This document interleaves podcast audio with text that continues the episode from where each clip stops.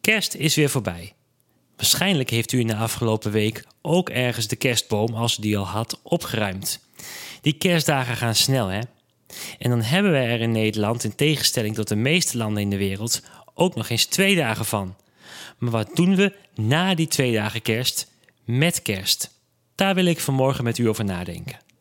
En dan is het allereerst goed om te beseffen dat het echte kerstfeest helemaal geen feestje van twee dagen was.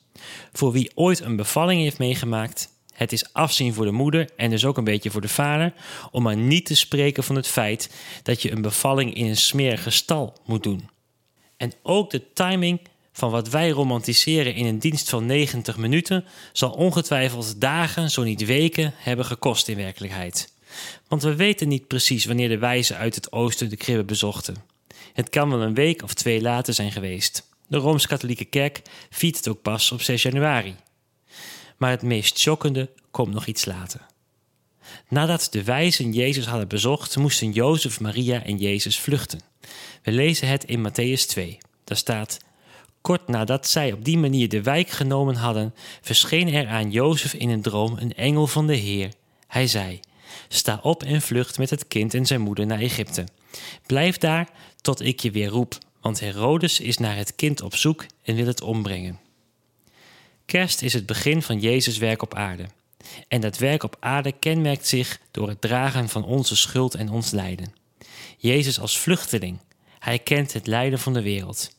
Ik hoop dat we de romantische Jezus in de kribbe snel zullen verruilen voor de Jezus die ons lijden kent en die kwam in die kribbe om de schuld van de wereld te dragen.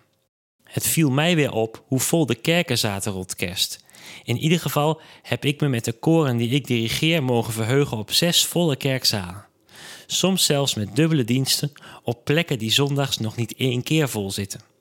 En natuurlijk zaten ze de zondag vlak na kerst niet half zo vol. Zouden die mensen ook allemaal stil hebben gestaan bij dat kerst pas het begin was van een lange lijdensweg voor Jezus?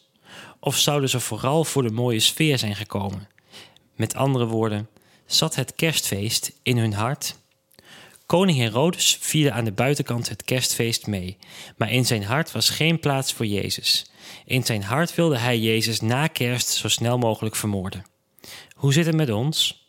Hebben we kerst van binnenuit meegevierd of nemen we na kerst het liefst zo snel mogelijk afscheid van waar het bij kerst allemaal om draait, van Jezus? Ik hoop dat als u vanmorgen nog even terugdenkt aan de kerstvakantie, u denkt aan Jezus, aan het prachtige zingen van de engelen, de oprechte vreugde en het feest, maar ook aan de Jezus die al een vluchteling was voor zijn eerste verjaardag en wiens hele leven in het teken stond van het lijden in de wereld en de verlossing daarvan.